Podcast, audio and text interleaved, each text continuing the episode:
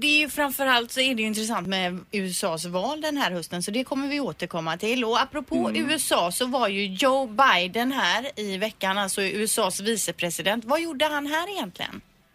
Ja, det var väl många som hade undrat det till att börja med, för det fanns inte något, eh, egentligen något, någon stor tydlig fråga man skulle tala om, men ändå så blev det ett riktigt succébesök, ett, en slags skrattfest i stort sett, idel glada miner och det handlade mycket om att Joe Biden ja, nästan öste beröm över Sverige och sa att vi var världsledande i jämställdhet, klimatfrågor, bistånd och alla möjliga saker. Och, och det handlar väldigt mycket om att markera att USA är en väldigt nära vän till Sverige och man känner kanske ett ökat hot från Ryssland också. Jag skulle säga att Sverige och USA har aldrig haft en sån här bra relation som vi har idag. Mm, men slänger de inte alltid ut sig positiva grejer för att man, man gillar att höra det i det landet dit de kommer? Jo, klart, det, brukar vara mycket artighetsfraser, men det var ju ganska nyligen som eh, Löfven var i USA och hälsade på Obama och Obama var ju här och hälsade på Reinfeldt så att det har ju varit väldigt mycket positivt utbyte.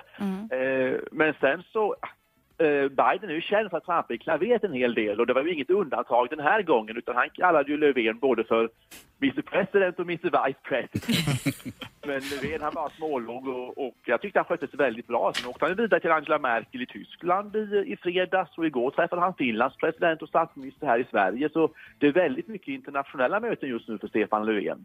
Ja. Vad har hänt annars i svensk politik i veckan som har gått, Marcus?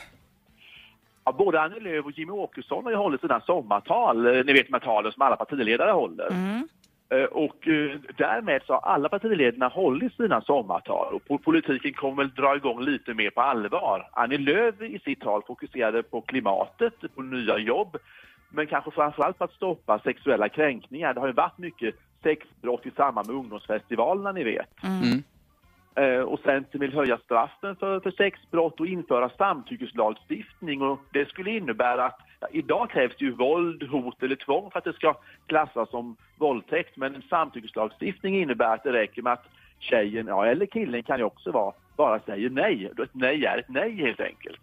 Ja, det låter ju logiskt faktiskt. Ja, det låter egentligen rätt självklart kan man tycka. Eh, och Jimmy Åkesson, han var inne på eh, vad Sverigedemokraterna vill satsa mer på fattigpensionärer, men sen blev det mycket fokus också på framtida regeringsbildningar. Och han sa att SD vill regera ihop med Moderaterna och KD. Ja, och, och vad tycker Moderaterna och KD om det tror du? Ja, det är ju det som är den stora frågan. Anna Kinberg Batra pressades ganska hårt i direktsändning i tv igår kväll om hon vill samarbeta med SD och svaret blev att ja, hon vill, vill ju helst bilda regering med Alliansen men i ett läge där man inte kan få majoritet så tycktes hon inte helt stänga dörren. Hon sa att, att hon kan inte ta, ta ansvar för hur andra partier röstar i framtiden. Så det där är nog väldigt spännande att följa för det ser ju inte ut som att någon av sidorna kommer få egen majoritet. Nej. Du får hålla oss uppdaterade där också, Marcus. Men du borta i USA då? Vad pratar de om där borta just nu? Vad är det fokus på? Ja, det är ju full fart naturligtvis med presidentvalet och nu är det presidenternas hälsa som har varit i fokus.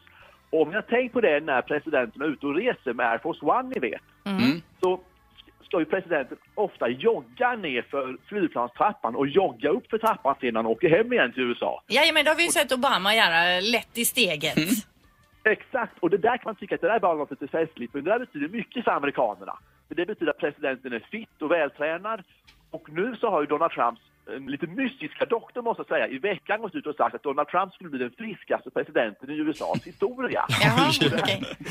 Ja, och det här ter sig ju lite märkligt, det har ju varit 44 tidigare presidenter och alla 44, till och med Ronald Reagan som var 69 när han valdes, var ju yngre när de valdes till presidenter. För Trump kommer ju att bli 71 år när han blir vald. Eh, Han har varit väldigt pressad i amerikansk media, den här doktorn. Hur kan han veta att alla tidigare 44 presidenter Ja. var, i, var sämre än, än Trump? Och då har han svarat nu att men det vet han med all säkerhet. För alla tidigare presidenter är ju antingen döda eller sjuka. det är klart att på så sätt är de flesta inte alls lika pigga som Trump. Men jag menar, vilket svar egentligen? Ja, ja, ja. En, Kanske en eh, lallare precis som Trump i många lägen då, kanske med var hans doktor kanske då. Du Marcus, tusen tack för att du eh, är med och förenklar det som vi tycker är lite svårt i vardags så att vi också förstår vad alla pratar om. Det känns skönt. Och eh, så hörs vi nästa måndag igen. Det ser jag fram emot. Ha en fin vecka. Detsamma. Detsamma. Tack. Hej, hej. Hej då. Ett poddtips från Podplay. I fallen jag aldrig glömmer djupdyker Hasse Aro i arbetet bakom några av Sveriges mest uppseendeväckande brottsutredningar. Går vi in med hemlig telefonavlyssning och, och då upplever vi att vi får en total förändring av hans beteende. Vad är det som händer nu? Vem är det som läcker? Och så säger han att jag är kriminell, jag har varit kriminell i hela mitt liv men att mörda ett barn, där går min gräns. Nya säsongen av Fallen jag aldrig glömmer på Podplay.